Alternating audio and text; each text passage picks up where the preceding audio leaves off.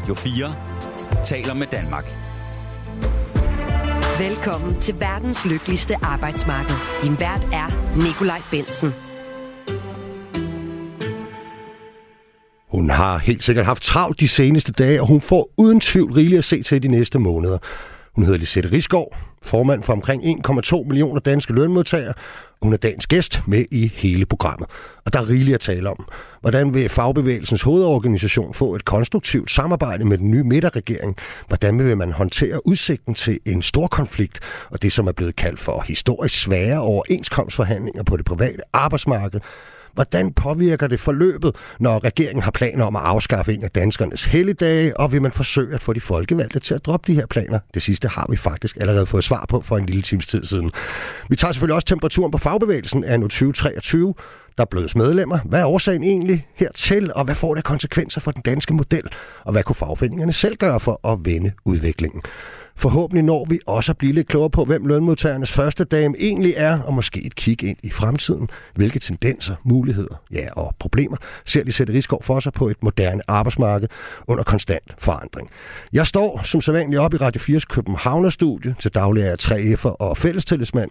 De næste 55 minutter vil jeg dog i særlig grad forsøge at være jeres vært. Velkommen til programmet. Du lytter til verdens lykkeligste arbejdsmarked på Radio 4. Lisette Rigsgaard, velkommen til programmet. Tak for det. Jeg, jeg har lige lidt problemer med at høre dig i din. Jeg håber, man kan høre Lisette ude i, i radioen. Det kan man ikke. Prøv lige at gå over til den her mikrofon, Lisette. Så ser vi lige her. Så prøver vi det. Nej, det var meget bedre. er ikke? det rigtigt? Så tager jeg lige mit vand og Ja, sådan ja, noget, ja. ikke? Du går og tager dit vand. Så kan jeg i mellemtiden ligesom lægge op og sige, at jeg havde jo faktisk øh, tænkt mig sådan lidt længere nede i programmet og stille dig et spørgsmål om, vil I bakke op om en folkeafstemning omkring øh, afskaffelsen af, af Store Bødedag? Og der er du jo kommet mig i forkøbet, fordi at Det det, er, hvad, det er ikke så lang tid siden, det har været en time siden. Nej, vi har haft øh, forretningsudvalgsmøde øh, her fra morgenstunden, og der er der er et fuldstændigt enigt forretningsudvalg, som opfordrer regeringen til at tage deres forslag af bordet endnu en gang. Man må sige, at vi har sagt det mange gange, og vi har måske talt for lidt døve ører. Nu mm. håber vi på, at de lytter, og, øh, og hvis det er, at øh, de ikke vil tage deres forslag af bordet, så, øh, så opfordrer vi til, at de indkalder til en folkeafstemning og prøver af at høre, hvad folk egentlig mener om det her. Øh, og vil de ikke det, jamen så opfordrer vi øh, resten af Folketinget til at, øh, at vurdere på, om det er den her måde, man skal føre politik på. Og vi har jo et arbejdsmarked i dag, som er kendetegnet ved aftaler mellem arbejdsgiver og arbejdstager, altså den danske model. Og det er det, regeringen jo big time er gået ind og har hamret en betonpæl i mm. ved at fjerne Øh, og det nu ligger der jo et lovforslag sort på hvidt. De fjerner alle de aftaler. De fjerner den fridag, som du måske har forhandlet frem. Øh, de fjerner de tillæg, som du har, hvis du arbejder på Stor Bededag. Og øh, generelt så er det jo bare utilstedeligt, den måde, de gør det her på. Så er vi ligesom i gang, og man må sige, at nu blander FH så i hvert fald, hvis ikke de havde gjort det i forvejen, så for alvor i, øh, i den her misære. Øhm, du kan også blande dig i dagens program, hvis du har en holdning til Stor Bededag eller overenskomstforhandlingerne, eller et spørgsmål til formanden for FH, Lisette Risgaard, så send en sms til 1424. Vi håber, mange vil benytte lejligheden til at skrive ind, og det var altså på 1424. Men, men lad os bare lige dykke lidt mere ned i det så, Ja. øh, Lisette, fordi at, øh, altså, der er jo en årsag til, at regeringen har spillet ud med, med det her forslag, øh, som de i øvrigt har et parlamentarisk flertal for, øh, at afskaffe øh, en helligdag. De kobler det sammen med, at øh, der er krig i Europa, og nogle forsvarsudgifter skal fremrykkes. Mm, øh, ja. Er I imod øh, at fremrykke de forsvarsudgifter i FH? Nej, det synes vi er, kan være øh, meget, øh, meget rigtigt at gøre. Øh, Det vi så angriber, det er jo, at man laver det kryds over til, at det er lønmodtagernes fridag, frihed, der skal tages og skal betale det. Øh, Man kunne jo lade være med at give de skattelettelser, som de har lagt op til her, øh, og som øh, vi jo så åbenbart ikke har råd til. Lars Løkke sagde jo på, øh, på de radikales øh, nytårsmøde, hvor han var stand inden for statsministeren, at det er jo for at få samfundsøkonomien til at hænge sammen, at man vil fjerne en helligdag. Mm. Og der er det bare, jeg siger, men ved du hvad, man skal jo ikke give skattelettelser, hvis man ikke har råd til at give skattelettelser. Vi er ikke imod skattelettelser, men det skal jo både være balancerede skattelettelser, og det skal være skattelettelser, mm. når vi er råd til det. Og det har vi så ikke nu. Men... Og, øh, og, og derfor er det så også, vi siger, jamen prøv at høre, det her, det hænger jo ikke sammen.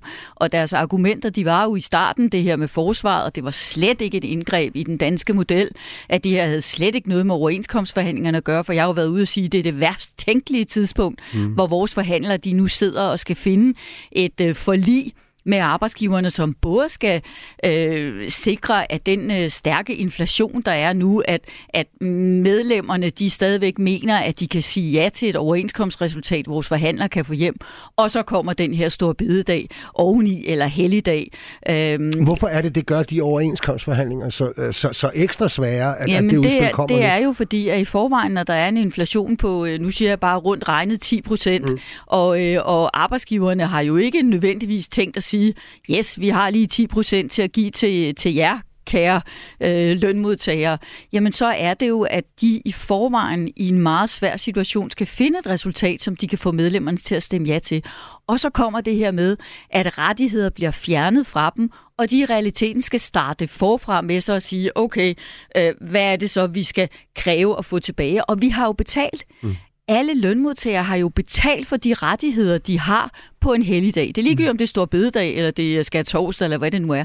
Der har man jo gennem overenskomstforhandlingerne betalt en pris til arbejdsgiverne for at have, enten det nu er en erstatningsfri dag, fordi man arbejder på stor bededag, eller det er de tillæg, man mm. får oven i sin timeløn for at arbejde. Og det er det, regeringen jo med et pennestrøg fjerner mm. i det regeringsgrundlag, de har lagt frem. Ja, og der har jo været øh, sager fremme her også om, at, det, at, at for nogen, så vil det jo faktisk få den direkte konsekvens, at, at selv efter den eventuelle kompensation, som, øh, som regeringen lægger op til... Øh, som arbejdsgiverne skal betale, ja. Som arbejdsgiverne mm-hmm, bliver pålagt at betale, ja. selvfølgelig ja. Øh, så er der faktisk nogen, der går ned i løn øh, på, på hele den her øvelse, og klar. arbejder en dag ekstra. Yes. Det, det må sige så være en, øh, en interessant ja. udmelding. Men et eller andet sted, for jeg forstår godt, hvad du siger med, og, og det er jo også for dig nemt at lave det kryds, der hedder, hvorfor kan vi give øh, skattelettelser til de bedst stillede, øh, og samtidig skal lønmodtagerne øh, kobles på de her fremrykkelser af forsvarsudgifterne. Men du ved jo godt, Lisette, at den her regering er en kompromisregering, en regering over midten. Hvis Mette Frederiksen øh, skulle øh, lykkes med at lave en regering over midten, så skulle der jo give de, de her skattelettelser til i hvert fald til Venstre, ikke? Jo, men man er jo nødt til at sige, at der skal man jo så stå på mål for, at, øh, at midlet der, det helliger så øh, det, de gør. Og, øh, og der må vi bare sige, at i fagbevægelsen er vi lodret imod, at man går ind og intervenerer i den samfundsmodel, vi har, den danske model, som mm. vi jo besynger rigtig meget i fællesskab. Det er jo altså ikke ret lang tid siden, at den socialdemokratiske regering sammen med arbejdsmarkedets parter, altså både arbejdsgiverne og vi, var fuldstændig enige om, at vi vil ikke have nogen til at blande sig i vores samfundsmodel, hvad det angår. Så ned i EU, da de kom med mindstelønsdirektivet, der har vi kæmpet sammen, alle tre, imod det. Og vi har sådan set øh, også øh, aftalt, at vi ville anlægge, de ville anlægge som mm. regering, det kan vi ikke, øh, som hverken parter øh, fra arbejdsgiver eller os, men regeringen ligesom ville anlægge et annullationssøgsmål ned mod EU, mod at de jo intervenerer og bryder ind i vores mm. danske model. Og hvad gør de så her? Der hammer de lige ind i den, og øh, nu siger jeg, tager en stor bid af den danske model. Det er utilstedeligt, og det er der, hvor jeg så siger, okay, hvis de gør det nu og får held til at gennemføre det, Hvornår er det så næste gang, at de tager Stor Bededag langfredag, eller hvad hedder det, tager skær torsdag, eller, eller langfredag, eller en søndag? Eller to feriedage af dem, som du, vi alle sammen har betalt for ved overenskomstforhandlingen. For, for, for dig og for fagbevægelsen er det det principielle i, hvad kan man sige, indblandingen i aftaler og den danske model, eller er det selve elementet, at, øh, at, at mange danskere skal arbejde en dag ekstra om året, der er det værste? For jeg vil sige, hvis man nu havde gjort det på en anden måde, hvis nu I var inviteret til en trepartsaftale, kan du så fuldstændig afvise, at så havde I lavet en aftale, der faktisk betød, at danskerne øh, skulle arbejde en, en jeg, dag ekstra? Jeg, jeg tror, at vi må øh, konstatere, at vi har jo været der før. Mm. Og, øh, og danskerne, apropos både... Og her tænker du både, på i 11 efter ja, finanskrisen? Ja, med, med Helle ja. thorning Smiths regering og Arne og, og, og Corridon.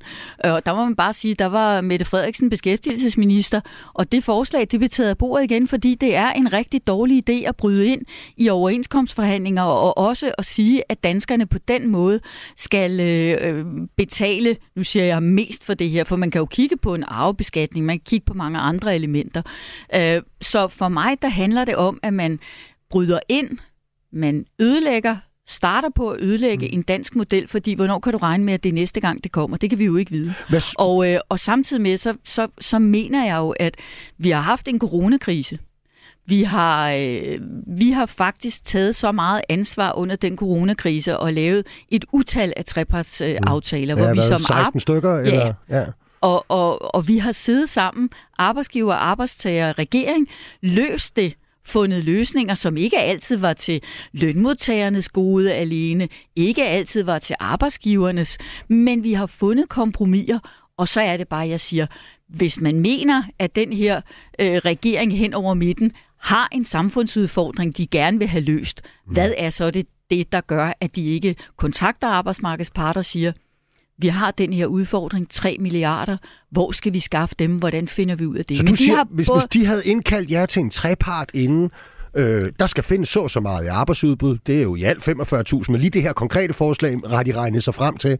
Det er nogle gange lidt bla bla med de ja, her beregninger. Men, ja. mm-hmm. Og der er jo også sat lidt ja. tvivl om dem, men, ja. men det giver i hvert fald 8.500 i arbejdsudbud, og det giver, øh, hvad er det? 3, 3 milliarder. Ja, 3 3, milliarder. Ikke? Ja. Havde de mm-hmm. indkaldt øh, dig og DA og DI, og hvem der ellers skulle være med til den trepart, øh, så havde I gået aktivt ind i den proces og Vi har gået aktivt ind og, og, og finde ud af og, og, øh, og, og vurdere på, hvordan kan vi så løse det her.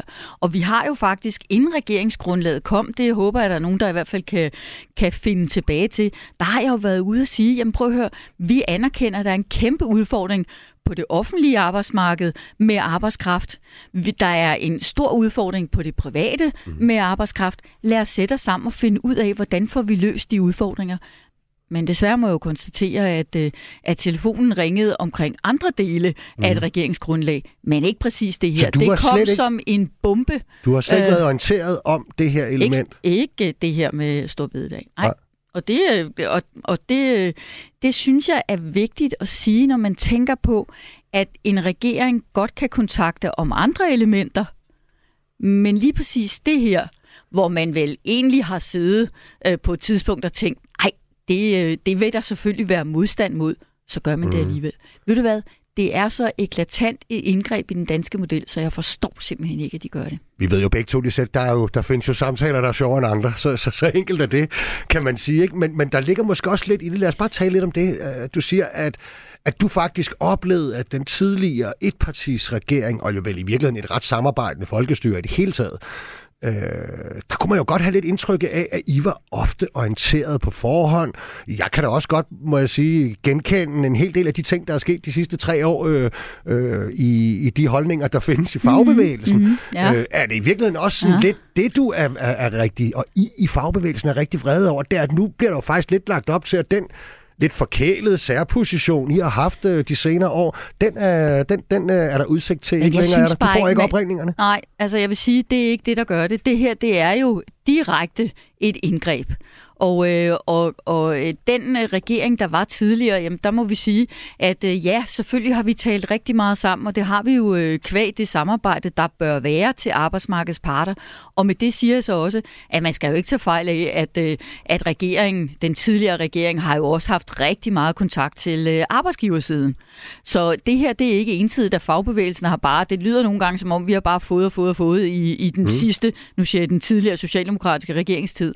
Det er jo ikke rigtigt. Nej. Vi har kæmpet for hver eneste, nu siger jeg hver eneste del, der har været noget, der har været til lønmodtagernes gode, og lige sådan har der jo været rigtig meget, som arbejdsgiverne også har fået. Så det, jeg angriber nu her, og det er jo det, jeg også har, har tilkendegivet, det er, hvor kommer det her forslag fra? Mm. Hvem er det, der er kommet med det forslag? Og der ved jeg jo godt, at der er jo ikke nogen, der vil stå fader til det her. Øh, der, hvis man, øh, og det er der jo mange journalister, der har spurgt, jamen, kommer det fra S, kommer det fra Moderaterne, kommer det fra Venstre? Og, øh, og der er deres, øh, nu siger siger fluffy svar jo, uha, det er kompromis, så, så det kan vi sørge ikke sige noget om. Jeg vil bare sige, at jeg forstår ikke med det samarbejde, vi har haft med en socialdemokratisk regering, med det gode samarbejde, vi havde med en Lars Lykke-regering, hvad eller hvem er det, der ikke synes, at man skulle prøve af med mm. arbejdsmarkedsparter, før man gør noget så indgribende som det her. Vil, vil du gå så vidt som til at sige, at, at, at der jo så også er lidt en eller anden form for tillidsbrud på, på, på de, de politikere, der i hvert fald har magten lige nu, og nogen I har stået meget nær i virkeligheden, Socialdemokraterne Jamen det er klart, tidligere. det er da et tillidsbrud. Mm. Det er da et tillidsbrud. Og det er klart, at, øh, at og, og vi siger jo tingene, som, øh, som, som vi mener. Vi holder ikke noget tilbage. Mm. Og vi har jo i utvetydige, øh, kan du sige, øh, måder øh, tilkendegivet, at det her, det synes vi, at de skulle tænke sig rigtig godt om, før de, øh, mm. før de gjorde. Men der ligger et lovforslag, og, øh, og det virker jo som om, at regeringen, øh, de indtil nu i hvert fald, indtil lige nu, øh, der har de tænkt, vi moser det igennem, dels for at vise, hvor handlekraftige vi er, hvor gode vi er, og det her vil vi. I stedet for, i stedet for at være, synes jeg, en ansvarlig regering, der siger, hvis der er noget, der ikke hænger sammen, så må vi jo finde ud af, hvordan kan vi få det til at hænge sammen. Og det gør vi naturligvis med de tre parter, som har tidligere vist sig under en samfundskrise så alvorlig som corona at kunne finde løsninger. Mm. Hvorfor skulle vi ikke kunne finde løsninger på det her sammen? Der kom, et, øh, der kom en del spørgsmål ind allerede. Lad os bare lige tage et af dem her allerede til Lisette. Når nu regeringen kører udenom fagforeningerne, og de rammer den danske models grundsten, er det så over en rød streg? Og det er vel strækkevåbnet, der kan komme på tale nu. Med venlig hilsen Jesper. Øh, nu ved jeg ikke lige, om du kan udskrive den slags øh, generalstrækker, altså, de Men, jeg vil sige, at, øh, at det, der er, det, der er rigtig vigtigt for mig at sige, det er, at vores forhandlere, de sidder jo nu og forhandler for at finde løsninger. Og, øh, og det er jo fordi, at øh, hvis man kan finde løsning, så vil det typisk være det, som de anbefaler deres medlemmer at stemme ja til. Mm. Men det jeg godt vil sige i forhold til det om, om strejke, øh, det fagbevægelsen i dag jo har sat i gang, og, øh, og jeg håber, der er mange af lytterne, der også vil gå derind, det er, at vi har lavet en øh, underskriftsindsamling, som hedder www.bevarstorbededag.dk, mm. og det er, fordi vi sætter gang i, at alle medlemmer, øh, ikke medlemmer, alle borgere i det her land kan gå ind og skrive under på og vise øh, med det, hvad synes man om det her. Og derudover så har man også besluttet, at, øh, at vi vil lave en stor demonstration på Christiansborg Slotsplads. Okay. Jeg kan ikke give jer datoen i dag, fordi det vi arbejder for, det er jo, at regeringen skal tage det her forslag af bordet. Mm. Og vi har også sagt til hinanden, at hvis de ikke gør det, så bør de indkalde til den her øh, folkeafstemning. Og hvis de ikke vil gøre det, så håber jeg, at oppositionen på begge sider øh, gør sig klar til det. Og hvordan er det lige med reglerne der? Kan oppositionen, hvis en... en, en hvordan er det nu? Hvor ja, meget skal, skal der til for at få en... De øh, skal, der skal 60 mandater til. Ja. Så de skal samle sig sammen, og så sige, jamen vi vil ikke være med til, at, øh, at regeringen på den her måde griber ind øh, i vores, øh, vores samfundsmodel, vores danske model. Øh, og samtidig med, så vil vi godt have prøvet, jamen, at, er det her det rigtige? Og, øh, og, og jeg håber meget, at, øh, at de partier, der er derinde, de ikke går ind på, nu har regeringen jo ligesom sagt, hvis I ikke øh, vil stemme ja til Stor Bededag, så, øh, så, skal, I, så skal I bare vide, så kommer I ikke med til at forhandle mm. forsvarsforlig. At det er jo den der øh, skovsnegl, spis nok skovsneglen, mm. eller øh, ellers er du ikke med i hulen, ja. øh, Mulle. Og her er vi over og, i Saba, øh, en film, ja, ja, ja, men i, helt forfærdelig. På vores alder og, set, en, ja. og, og en, en forfærdelig måde, og nu mm. både at drive politik på og folkestyre på. Og der, der vil jeg bare sige, at det de kan, hvis de øh, hvis de slår sig sammen, og jo er 60, hvis regeringen et, ikke tager det, øh, bordet forslaget, og to, ikke selv vil udskrive en folkeafstemning, mm. så er der en mulighed for, at øh, 60 øh, mandater, de kan udskrive en, øh, en folkeafstemning, og, øh, og det er jo så her, man kan prøve at sige, er det det, mm. nu siger jeg, ja. befolkningen vil have. Og de, og der de, tror de jeg målinger, på, der er indtil videre, er i hvert fald ikke noget, der tyder på, at det bliver stemt øh, nej, markant igennem, igennem nej, i hvert fald. Men, men, men det vil sige, dit, dit signal til især, nu når du nævner det her med adgangsbilletten til mm-hmm. forsvarsforlig mm-hmm. og alt det der, mm-hmm. så er der jo særligt to partier, der er interessante, nemlig både SF og, og, og de konservative, der jo rigtig gerne mm-hmm. og er med i forliget i forvejen mm-hmm. og vil have mhm. indflydelse mm-hmm. på, mhm. hvad de penge bliver brugt til. Ja, ja. Det kan de ikke få, ja. hvis, øh, hvis ikke de siger ja til det her. Nej. Jeres signal, det er, øh, man jer op og, og, og, og folkeafstemning. for at få, øh, få lavet den øh, folkeafstemning, så er det ligesom, øh, nu siger jeg vejen til, at øh, selvfølgelig kan de øh, være med til at øh, forhandle forsvarsforlig øh, på et senere tidspunkt. Mm. Fordi øh, det er klart, at, at det er jo ikke en måde at, øh, at drive, øh, nu siger politik på og, og og skabe muligheder for, at man kan jo indflydelse ud for det, der er. Og man skal stadigvæk også uh, tænke på, at, uh, at de mm. her partier, de gik altså ikke til valg på at, uh, at afskaffe hverken den ene eller den anden helligdag, eller, eller have det her som mål. Så uh, jeg synes, det er helt fair at sige, det er så stort et indgreb i vores arbejdsmarked og vores arbejdsmarkedsmodel, så jeg synes, man skal prøve det af. Okay, så lad os lige prøve at, at dvæle bare lige kort ved, ved det, der i hvert fald stadig er vores arbejdsmarkedsmodel, nemlig de overenskomstforhandlinger, som er i gang, øh, Lisette. Og du, ja. du har jo været lidt inde på det, hvorfor det her med helligdagen i hvert fald ikke gør det nemmere. I forvejen var det meget svært, øh, eller det bliver meget svære forhandlinger, ja. man skal mm-hmm. gennem. Hvad tror du, Øh, hvad er dit bud på, øh, hvad, hvad det skal indeholde? Og de kan jo altså indeholde noget forskelligt på områderne, men, men sådan overordnet skal indeholde, øh, før vi i hvert fald sådan nogenlunde sikkert kan afløse en, øh, en stor konflikt. Jamen der vil jeg sige, det kan jeg jo ikke. Mm. Fordi det er jo forskelligt, som du selv er inde på, fra, øh, fra overenskomstejere til overenskomstejere. Meget forskelligt, hvad man på et CO-industriområde øh, har samlet sammen af krav fra medlemmer derude. Øh, lige så vel så har du et, øh, et fødevare fødevareområde, du har øh, øh, mange af de andre områder.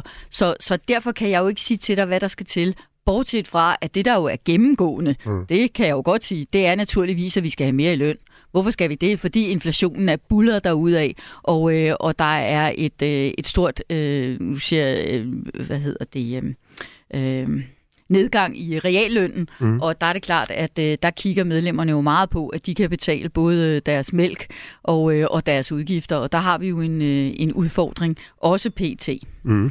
Jeg gjorde det i går, sætte, at mm. jeg lavede et opslag på en, øh, en Facebook-gruppe, der hedder De Organiserede. Ja, altså, ikke, som den er, kender jeg jo godt. Jeg er ja, selv medlem. Det er præcis det, du er. Ja. Ikke? Og der er jo en 10.000 øh, ja. øh, organiseret i de overenskomstbærende fagforeninger, øh, som ligesom øh, diskuterer forskellige ting derinde. Og der reklamerede jeg lidt for, for dagens program, og, og det har altså afstedkommet en, en, en hel masse spørgsmål, og noget, som rigtig mange øh, gerne vil have jeg spurgt om, det var din, øh, din holdning til, nu når vi er ved de her overenskomstforhandlinger, øh, det forslag, som blandt andet mere end 200 lokale tillidsrepræsentanter i et åbent brev har, har stillet til deres øh, forhandlere, at, øh, at der skal være flere medlemsfordele til dem ude på arbejdspladserne, som står organiseret i de fagforeninger, som også forhandler overenskomsten. Altså faktisk mm-hmm. en forskelsbehandling fra, ja. om man nu er medlem af for eksempel 3F eller ja. noget andet derude. Ja. Hvordan ja. øh, har du det med det forslag? Jamen, vi, det er jo noget, som, øh, som forhandlerne øh, har drøftet med hinanden og drøfter med hinanden. Og, øh, og der er det klart, at det jeg kan høre, det der er blevet sagt på øh, industriens område fra hovedforhandlerne øh, Claus Jensen og, og Mads Andersen, mm. det er jo, at, øh, at de har været ude på de her medlemsmøder, de har samlet sammen, men de går ikke ind for, at mm. der skal være særlige medlems rettigheder i overenskomsterne. Og sådan som jeg kan høre dem, så er deres argument, at det skal ikke være dyrere at, øh, at ansætte nogen, der er medlem af en fagforening, end dem, der ikke er medlem af en fagforening. Mm. Og det er jo et argument. Så det jeg kan sige, det er, at jeg synes jo, man skal fortsætte den debat i sin demokratiske organisation. Mm. Fordi det er klart, at det er der, man kan drøfte, og man kan beslutte, hvad det er, man vil have, man går ind og forhandler. Mm.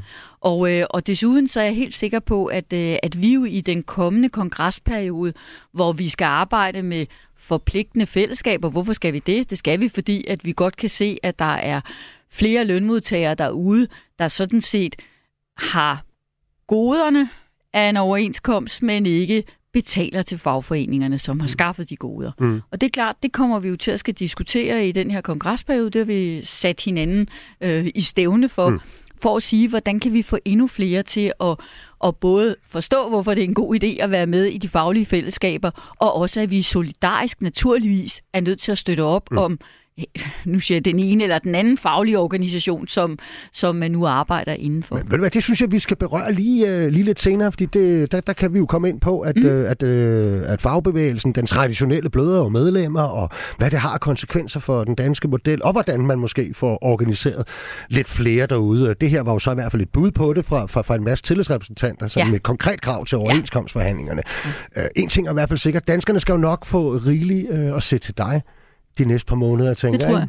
Det ja, tror jeg. Eller både ja. høre dig og ja. se dig og alt muligt andet. Og jeg håber, de støtter op. Altså, ud over underskriftsindsamlingen, så er det jo vigtigt, at de deltager i debatterne ude mm. på deres arbejdspladser og snakker sammen om, jamen, hvad er det egentlig, de tænker om det her. Der er jo øh, desværre for nogle politikere en opfattelse af, at folk de, øh, de øh, deltager ikke rigtigt i de, de demokratiske samtaler, mm. og vi kan godt komme igennem med forskellige øh, elementer eller forslag, fordi folk de er ligeglade. De, øh, de, de siger ikke noget til det. Og der håber jeg bare på, at det her det jo også kan være det, men igen diskuterer med hinanden.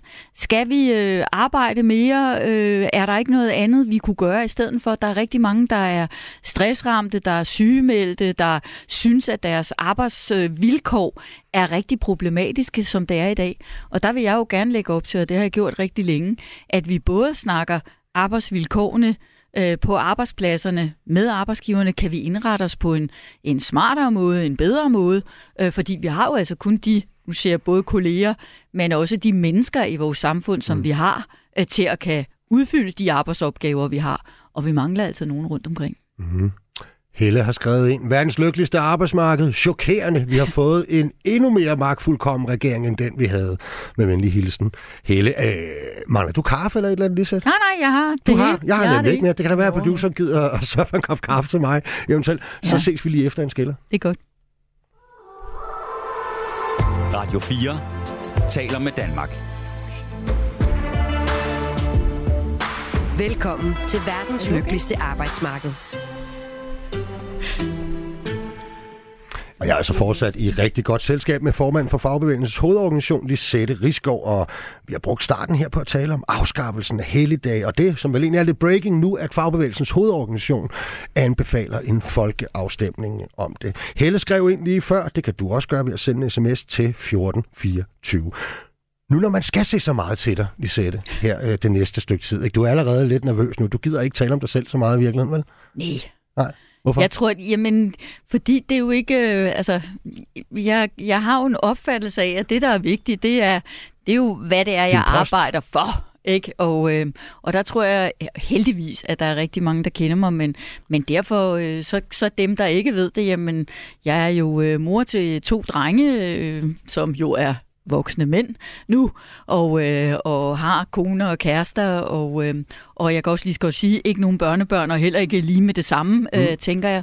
Men jeg har min dejlige hund, øh, og det ved jo godt det der med, at, øh, at øh, man har ingen venner i politik, øh, og heller ikke der, hvor jeg er, men så har man øh, måske en hund, man kan, mm. kan gå og tale med, og så en masse gode venner. Og, øh, og det har jeg så heldigvis, hvor man kan læse lidt af, og, og også drøfte, nu siger mm. jeg, drøfte de udfordringer, der er øh, for os alle sammen. Hvad, ja.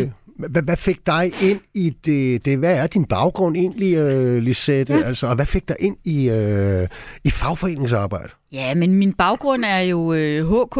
Øh, jeg er HK'er, og, øh, og der startede jeg egentlig øh, som HK Ungdom øh, dengang, og det er også derfor, det ligger mig meget på sinde, at vi skal jo have de unge med altid, øh, og også selvom, øh, og det kan jeg stadigvæk godt huske, at der er nogle af, af de lidt ældre, der synes, ungdommen, de er dog også bare irriterende. Nej, det er de ikke, fordi de kommer jo også med alt det, som de gerne vil, og den ild og det engagement, der skal være. Mm. Og, øhm, og der startede jeg så. Og så øhm, Men hvad var det konkret, der tændte, hvad kan man sige, en ild hos dig? Altså, var du på toilettet, ja, da du skulle vælge se til HK Ungdom? Eller, nej, eller nej, nej, nej. Men det, er jo, det var jo det faglige, og er det faglige mm. arbejde. Mm. Og det her at skabe nogle resultater, ikke kun for sig selv, men også i fællesskabet. Og det stærke faglige fællesskab, som jeg blev en del af, øh, det kan du sige, det blev jeg så tændt af. Så har jeg så været så øh, heldig, at der var flere, som synes, at, øh, at jeg ville være god til at tale deres sag.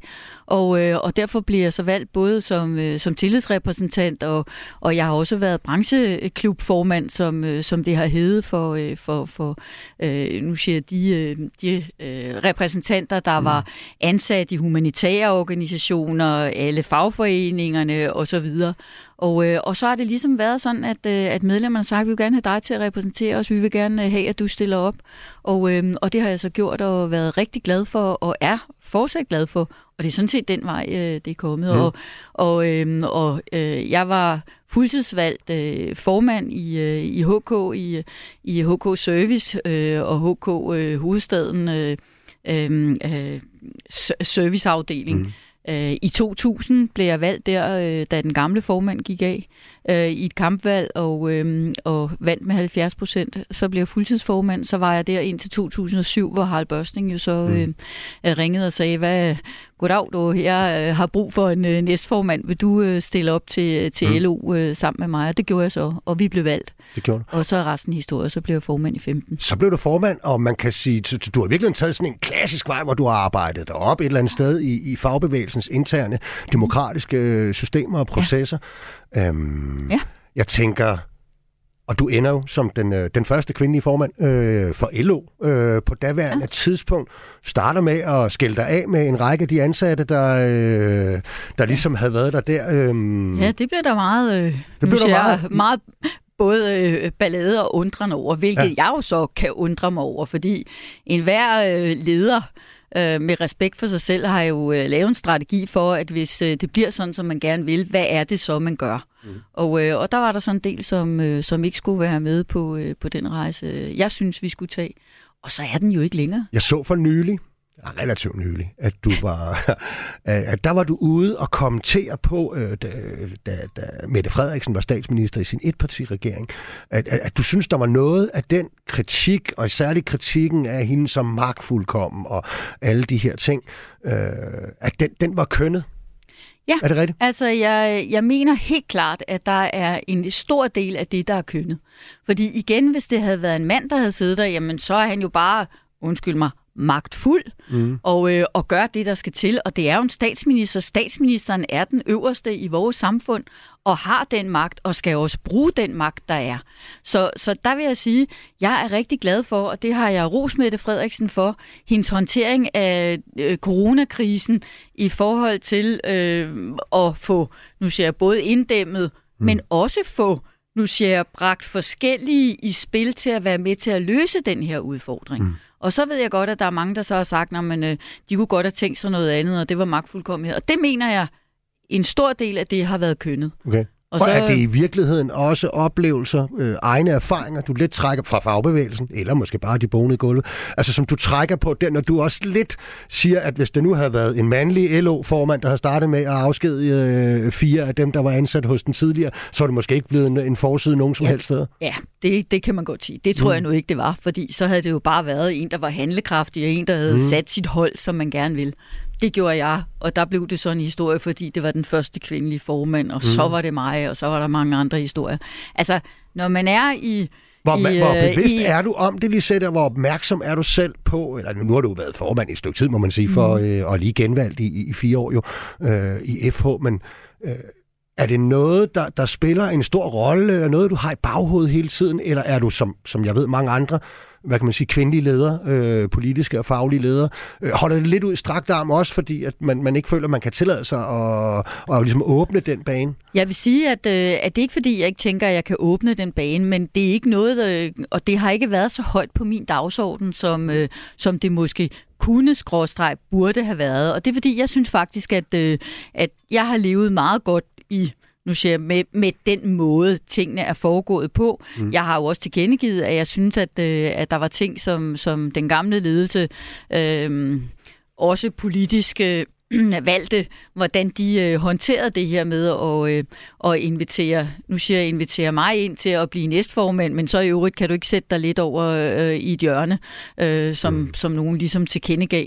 Øh, og det er klart, øh, sådan er jeg jo ikke. Øh, men det er klart, du skal jo, hvis du vil det her, så skal du jo ville både magt og indflydelse. Mm. Og der er der nogen, der synes, at det er grimme ord, men det synes jeg ikke, fordi det er jo det, det handler om. Mm. Det handler jo om, hvordan kan vi jo indflydelse til det bedste for medlemmerne, for medlemmernes skyld, og det er så det, jeg prøver. Og, øh, og der, øh, der må jeg sige, at der er det rigtigt, at der er, er flere, der er rigtig gode til at se det med, med kønsperspektivet i det. Jeg, er opmærksom på det, men det er ikke det, jeg har ligesom reddet. Okay. Nu nævner du selv medlemmerne. Lad os prøve at, at tale lidt om medlemmerne, og også om, at, øh, at dem bliver der jo færre af, øh, kan vi jo lige så godt erkende. Ikke Lisette, øh, I gjorde det i FH øh, sidste år, at I holdte et øh, lønmodtagernes topmøde, hvor I satte fokus på den danske model og den faldende organisationsgrad.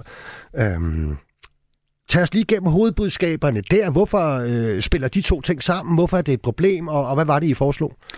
Jamen det vi gjorde, og det jeg er rigtig øh, glad for, at, øh, at medlemsorganisationerne sagde ja til, det var jo at afdække, hvordan ser det egentlig ud i fagbevægelsen nu? Øh, nogen i Sverige kunne jo sige, at øh, det er i hvert fald ikke hos os, der er et problem. Mm. Det er et andet sted. Men her der sagde forbundene så ja til, at vi kunne godt afdække, hvordan ser det egentlig ud, hvordan ser det medlemsudviklingen ud, hvordan ser overenskomstdækningen ud, hvad er det egentlig vores, øh, vores øh, OK-fagbevægelse øh, har at kigge ind i. Og der, der må man sige, at, øh, at den udvikling, øh, den viste så øh, de her analyser, at øh, 1,1 million danske lønmodtagere og beskæftigede, øh, øh, de er på overenskomstdækkede arbejdspladser, øh, men uden selv at betale til, øh, til fagforeningen. Mm. Det er jo et kæmpe problem, sådan som vi ser det. Og, øhm, og det vil sige, at der jo altså er over en million, når vi nu ved, hvor mange der er på vores arbejdsmarked, så er der over en million, som ikke er øh, medlem øh, i en øh, fagforening, øh, og det går jo ikke. Øh, så, øh, så nu siger jeg også, at 55 procent af de lønmodtagere, der arbejder under øh, vores overenskomster, øh, de er så ikke med til at betale gildet og bakke op om, om fagforeningen, og det er jo et problem. Og, og vi har i mange år på forskellig vis tordnet mod de gule, mod øh, Grifa og, og øh, ASE, lederne, det faglige hus. Men man kan sige, de er en udfordring, men det er ikke dem, der er hovedproblemet. Det er alle dem, der er hjemme på sofaen mm. eller andre som steder, som steder. slet ikke ja. er organiseret nogen steder. Og der har vi så sat os for, at det skal vi have vendt i den her kongresperiode. Og, øhm, og der kan man sige, øh, der kan man jo også vælge at sige, ej, nu går det helt helvede til. Mm. Men man kan også vælge at sige, er du klar over, hvor stort et potentiale der er? Ja, det var ikke sikkert, at man ville afskaffe helligdage, hvis, der, hvis FH havde en million flere medlemmer i hvert fald. Nej, og, og du kan jo også sige igen, jamen det er jo her, hvor, som jeg taler om nu, nu må vi have den samtale med hinanden. Hvordan støtter vi op om vores, nu siger jeg arbejdspladser, hvordan mm. støtter vi op om ordentlige forhold? Hvordan støtter man op om din fagforening, din tillidsrepræsentant, arbejdsmiljørepræsentant? Dem, der jo ikke er en naturgiven lov, at, øh, at vi har nogle ordentlige vilkår derude. Så, øh, så for mig at se, så er det altså men som jeg husker det, så, så, så går I lidt skridt videre. I beder jo også både arbejdsgiverne og politikerne om at, øh, at gøre nogle ting for ligesom at, øh, at understøtte jeres organisering. Jamen det er klart. Altså du kan sige, før det her øh, store bededag forslag det kom, der har jeg jo været ude i forhold til vores kongresser, i forhold til lønmodtagernes topmøde, været ude at sige, det her er jo ikke kun et problem for lønmodtagerne det her er jo også et problem for arbejdsgiverne, fordi øh, jo mere de er glade for et ordnet arbejdsmarked, og det, at de ved, der kommer øh, folk på arbejde hver eneste dag, og de også passer deres arbejde, og de holder de aftaler, vi har lavet med hinanden, jo bedre er det. Derfor synes jeg jo, at enhver arbejdsgiver med respekt for sig selv, bør også kigge på sin virksomhed og sige, har vi nu organiseret folk, eller har vi ikke det? Øh, det kunne godt være en fælles sag, og der har arbejdsgiverne jo lidt øh, rimelig klart sagt, nej, det vil vi sørge med ikke. Men jeg går det... jo altid ind og siger til enhver, øh, der har en virksomhed, jamen prøv at høre, du skal da organisere dig i den arbejdsgiverforening, der passer mm. til det område, du er. Fordi det er en del af vores danske model. Det er sådan, det er. Mm. Og det samme har vi jo så sagt til politikerne, og det er der, hvor jeg siger, at der er nogen, der så har, har kommet noget i ørerne, at, øh, at det her er også vigtigt, at et folketing ved, alle de nyvalgte politikere, der er der i hvert fald rigtig mange, som åbenbart ikke lige har øh, den danske model på... Øh, Ryggen. Nej. Ja. Så, så der er det klart, der har vi en opgave i at fortælle øh, de politikere, der er valgt, som ikke rigtig ved det, øh, hvorfor er det, det er vigtigt, at I også støtter op om den danske model.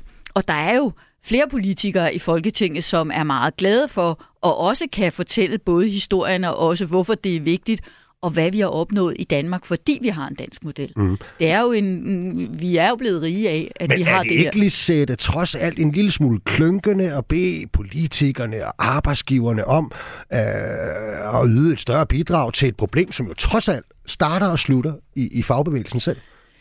Jeg synes, jeg synes ikke, at det er, er et problem at bede dem også om at være med, fordi igen, øh, der er ingen tvivl om, at det er fagforeningerne, som skal ud og organisere øh, de øh, øh, lønmodtagere, som ikke er i fagforeningerne. Selvfølgelig er det det, men så kan du sige, øh, vi har jo ikke den mulighed for at komme ind på alle arbejdspladser. Det har fagforeningen jo ikke i dag. Mm. Og det vil sige, hvis arbejdsgiverne de så ville åbne døren og sige, vi er da ikke nervøse for, at der kommer en fagforening. Vi skal jo helst ikke have tilstande i Danmark, hvor, øh, hvor vi nærmest taler union busting og, og det her med, at vi skal ikke være medlem af en fagforening, så, øh, så, så, øh, så kommer vi i hvert fald helt ud af en forkert tangent. Mm. Så, øh, så jeg synes, at, øh, at det vi skal, det er jo, at vi skal forsøge i den her øh, periode. Og, øh, og... Men peger fingrene, tænker jeg på, Lisette. Har de også peget indad? Altså får man også lavet den kritiske analyse i forbundet og i F på? Og jeg kan jo lige så godt smide noget til bordet. Det er hver tillidsrepræsentant kan fortælle dig derude, det er, at jamen, når man skal organisere nye medlemmer, så øh, for 70 procents vedkommende, så det, de går op i, det er jo selvfølgelig prisen på vores kontingenter. Ja. Og vi kan jo ikke rigtig blive ved med at gå rundt om den der varme Nej, grund, nej, vel? og det, og det har du ret i, og det har vi jo også i de analyser, der ligger øh, som vi lavede op til vores kongres også og, og var i gang med, da vi havde lønmodtagernes topmøde. Der er det klart, at der er pris. Pris er Mm, en faktor. en faktor. Og, øhm, og der kan jeg da godt ønske, at der er endnu flere, der ind i deres demokratiske foreninger fortæller, mm. hvad er det, de synes, hvad er det, de mener. Fordi det er en forening, det er et demokrati, det vil sige, du har mulighed for at øve indflydelse, ligesom... Øh, Forbundet jo ikke bare synes, når jeg kommer og siger, jeg synes, I skal betale mere i kontingent, mm. så kan jeg godt sige dig, så er der en hånd op med det samme. Ej, altså, så må du skære til. Øh, og det samme kan man jo gøre ude i sin fagforening, ude i sit forbund, sige, hvad er det, vi skal have kigget på her?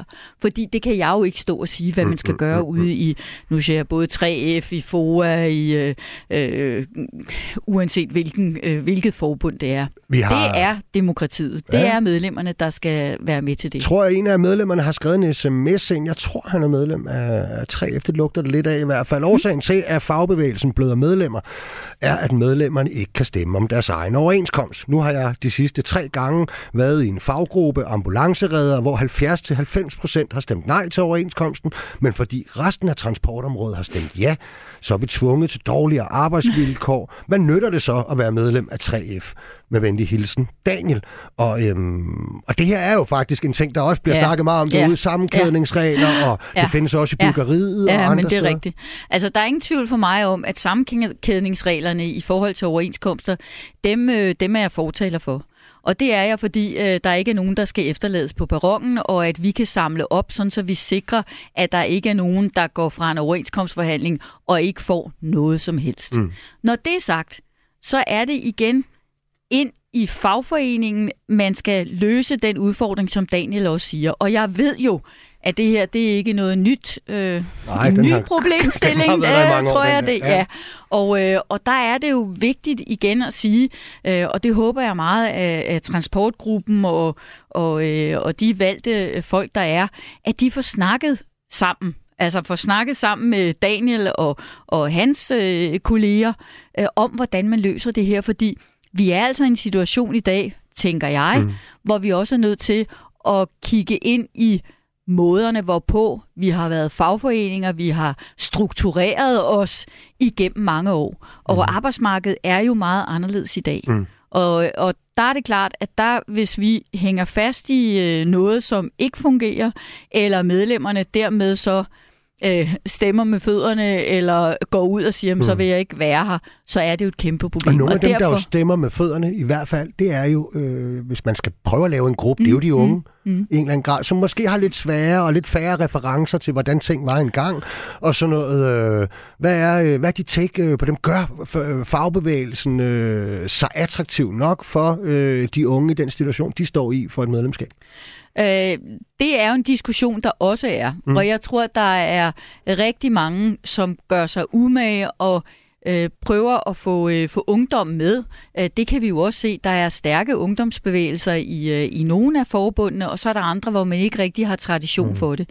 Og det er ikke nogen hemmelighed. Jeg er opfordret til, at i enhver fagforening, et hvert forbund, der skal man sørge for at give de unge både plads, og man skal sørge for, at der er en mulighed for, at de kan være med netværksmæssigt. Mm. Fordi det, jeg øh, jo hører mange gange, det er, øh, nu interesserer øh, de unge sig for det her tema, men alt det andet, og de meget formelle måder at skal have bestyrelser, mm. og vi skal vælges, og, og passe på at gå på toilettet, fordi så er du lige Så pludselig valgt til ja. noget, og sådan noget. Altså, øh, det skal vi jo væk fra. Vi skal mm. lave nogle strukturer, sådan så de kan være med der, hvor de har lyst til, og når opgaven, den opgave så er løst, eller færdig, mm. eller, eller der er lavet en politik på det, Skulle... så går de videre til noget andet. Ja. Og der er det klart, der er det vigtigt, at man ude i fagforeningerne er åbne for, hvordan får vi lavet sådan et unge netværk.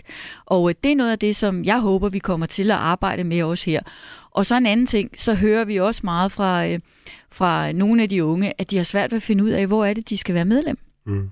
Og, øh, og det kan du og jeg som nu siger jeg, gamle øh, organisationsmennesker jo sagtens øh, vide, hvor mm. de skal være.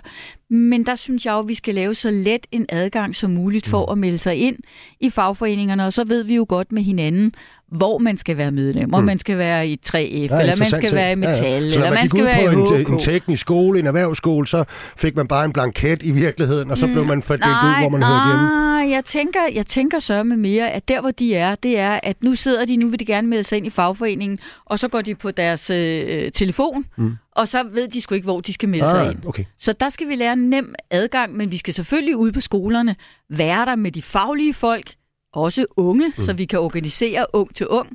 Det er noget af det, vi skal. Jeg kunne godt tænke mig lige at, at tale om, om hvorvidt, fordi sådan, lad os prøve at kigge lidt ind i fremtiden, ikke? fordi det kan jo være, at, at, at når det er især de unge, det er svært at organisere, og som vender fagforeningerne ryggen, så er det måske også et udtryk for noget. Altså hvis vi ligesom skal hive det op mm-hmm. på et plan, hvor vi siger, at arbejdsmarkedet har, har, har forandret sig, og oplever du i virkeligheden, at, at, at det der var, hvad kan man sige, kerneværdierne omkring det at have en overenskomst, omkring det at have et fagligt fællesskab, at de i højere grad øh, øh, er svære at, at se for, for en ung på arbejdsmarkedet i dag, som ikke er så forandringsforskrækket, som ikke er så bange for individuelle løsninger og fleksibilitet og alle de ting?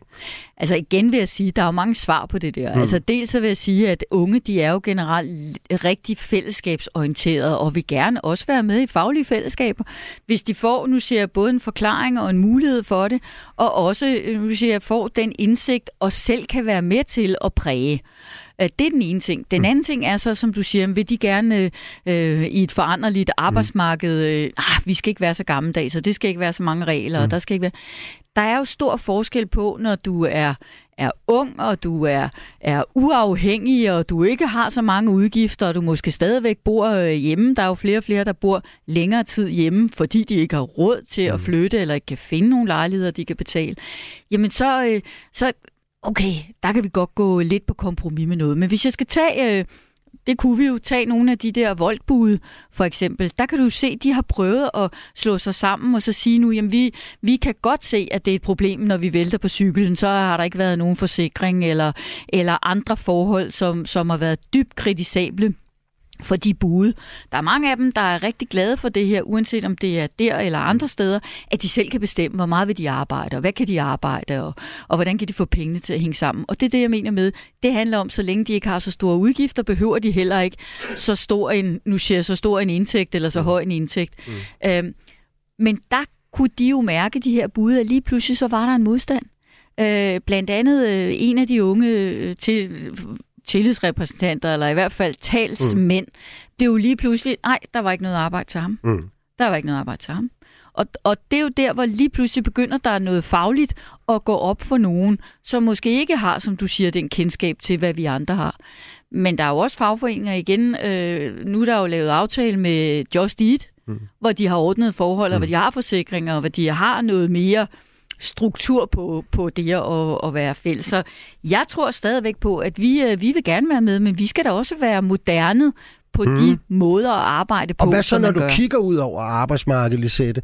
Øhm Bare sådan en view. Altså, hvad kan du se af ting, for jeg tænker, nogle gange bliver man jo lidt fanget i, at man synes, at alt, alt, alt nyt er noget lort, ikke? Og, og det behøver det jo ikke nødvendigvis være. Der er jo masser af, af, af interessante tendenser på arbejdsmarkedet, som er gode, og man måske skulle dyrke meget mere Helt af klart. dem, der sker. Hvad, hvad ser du, når du kigger øh, bare lidt over Jamen, i jeg ser jo, at der er rigtig mange, som ønsker at arbejde på en anden måde, end det vi har været vant til. Mm. Øh, og der er det jo øh, også noget af det, vi skal diskutere igennem, tror jeg, de næste mange år. Det er, hvordan får vi arbejdspladsen til at hænge sammen med den arbejdskraft, der er. Mm. Øh, der er nu afprøvninger af, skal man arbejde i, arbejde i en fire-dages arbejdsuge.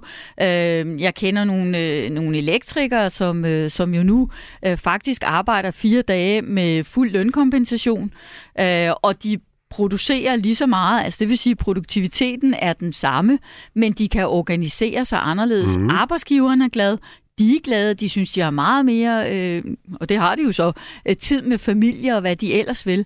Og, øh, og lige sådan i kommuner øh, prøver man også af, om man kan gøre noget anderledes. Mm. Det tror jeg, at vi kommer til at skal, skal se ind og i og også være måder, med på. man gør det der på. Den ene model er jo, at man, man ligesom øh, krømper arbejdstiden sammen, altså arbejder det samme, men på færre dage. Og så er der den anden, hvor man simpelthen sætter arbejdstiden ned. Det findes der faktisk også, også i Danmark øh, øh der en del eksempler på. Ja, ja, der og der er øh, ja. også kommet et, øh, et spørgsmål ind fra Alexander, fra, som er medlem af HK, øh, øh, som spørger om, øh, om, om øh, FH øh, vil, vil arbejde for en generelt kortere arbejdstid. Det er jo i hvert fald modsat retning af, en, af en højere ja. arbejdstid, som ja, regeringen vil have. Ja. Men det kan jeg jo sige, det gør vi jo ikke lige nu, fordi det er jo forbundene, der skal være med til at sige, at det er den retning, vi går. Men jeg står jo her i dag og taler for, mm. at man skal være åben for, hvad er det, der sker derude. Vi skal bare ikke og må ikke tro, at vi bare, nu siger jeg, fra den ene dag til den anden, kan få alle til at komme til at, nu siger jeg, have ja. kortere arbejdstid eller på anden vis øh, omkalfatre.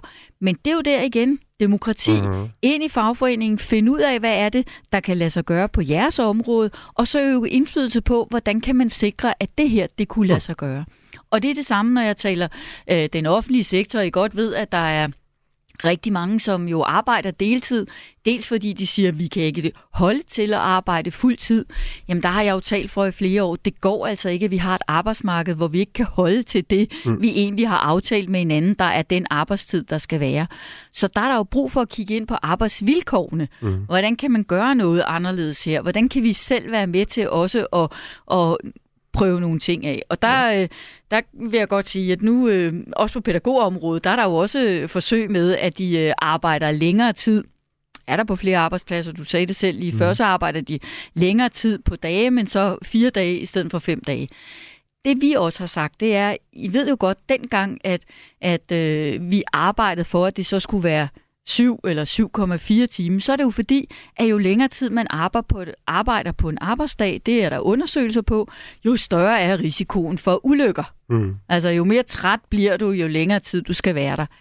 Men der må man bare sige, der har tiden jo også forandret både os som mennesker, hvad vi kan holde til, og vi kan jo så aftale med hinanden, at vi må prøve nogle ting af, men vi skal helst ikke have sådan, om 10 år, så ser vi så skaderne ved, mm. at der er nogen, der så arbejder 10 timer om dagen, øh, i stedet for øh, 7 timer. Men vi skal finde ud af, hvad er det, folk gerne vil, og så skal vi prøve det af. Ja, og hvad kan man sige, øh, med til arbejdspres hører jo også muligheden for at få stress. Og det er vel et, noget af det, som rigtig mange danskere går op i. Øh, er, altså, er vi stærke nok i, i fagbevægelsen på den dagsorden? Øh, ja, det vil jeg så sige, det mm. er vi jo, fordi det tager, vi, øh, det tager forbundene rigtig alvorligt.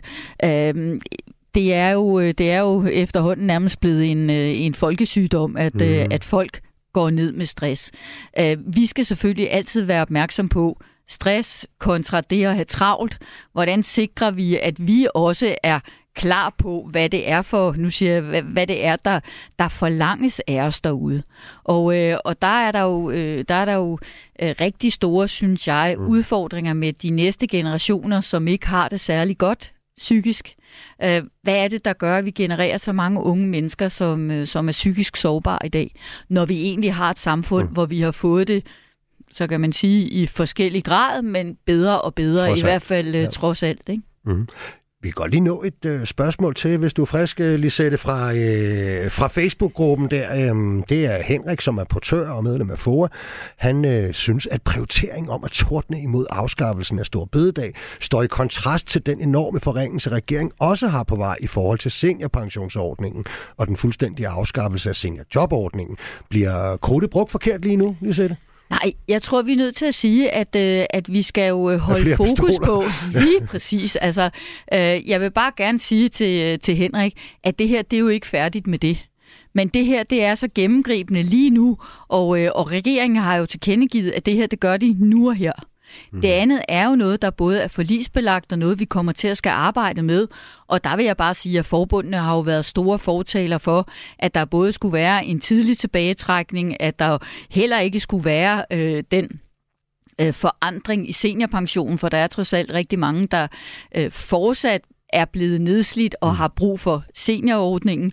Og så har vi øh, både seniorpensionen, og vi har også øh, kommunernes ordning med, at de, øh, de skal hjælpe folk til at kunne få et arbejde. Og det er, jo, det er jo en anden dagsorden, hvor vi også skal ind, og vi skal også ind på dagsordenen om, at øh, dem, der gerne kan og vil øh, arbejde længere, plus 50-årige, der ikke bliver inviteret ind, eller alle de mange, der står udenfor og heller ikke er inviteret ind på arbejdsmarkedet, der må vi altså have arbejdsgiverne til at åbne dørene. Det har vi sagt til dem længe, når vi nu taler om at, at, at mangle arbejdskraft. Men det er jo også vigtigt, at de er med til at efter videreuddanne både den arbejdskraft, de har nu her, mm. og så give mulighed for, at der er nogen, der kan komme ind, øh, mens de andre bliver uddannet, og så er det de næste. Men de næste par uger, der handler alt krudtet om Storbededag. Det gør det.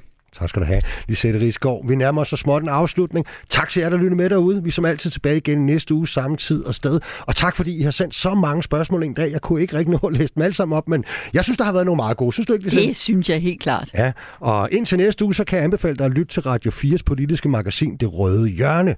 Som podcast i denne uge er det blandt andet med Pelle Dragsted fra Enhedslisten, som faktisk ønsker en folkeafstemning om afskaffelsen af Stor Bededag. Og det mener Lisette Rigsgaard i hvert fald var en løsning, ikke? Og det kan høres på Radio 4's app, eller hvor du normalt hører dine podcast. Der er vi bare tilbage og sige, det bliver spændende, hvad der ser med den store bededag. Det gør der. det. Det gør det i hvert fald. Tak fordi vi måtte låne en time af din travle hverdag, Lisette. Tak fordi I spurgte. Vi har den lykkeligste arbejdsmarked produceret af Rakkerpak Productions for Radio 4, til rettelagt i jul Lennart Højmark produceret af Mads Gordon Lade Karl. Vi høres ved.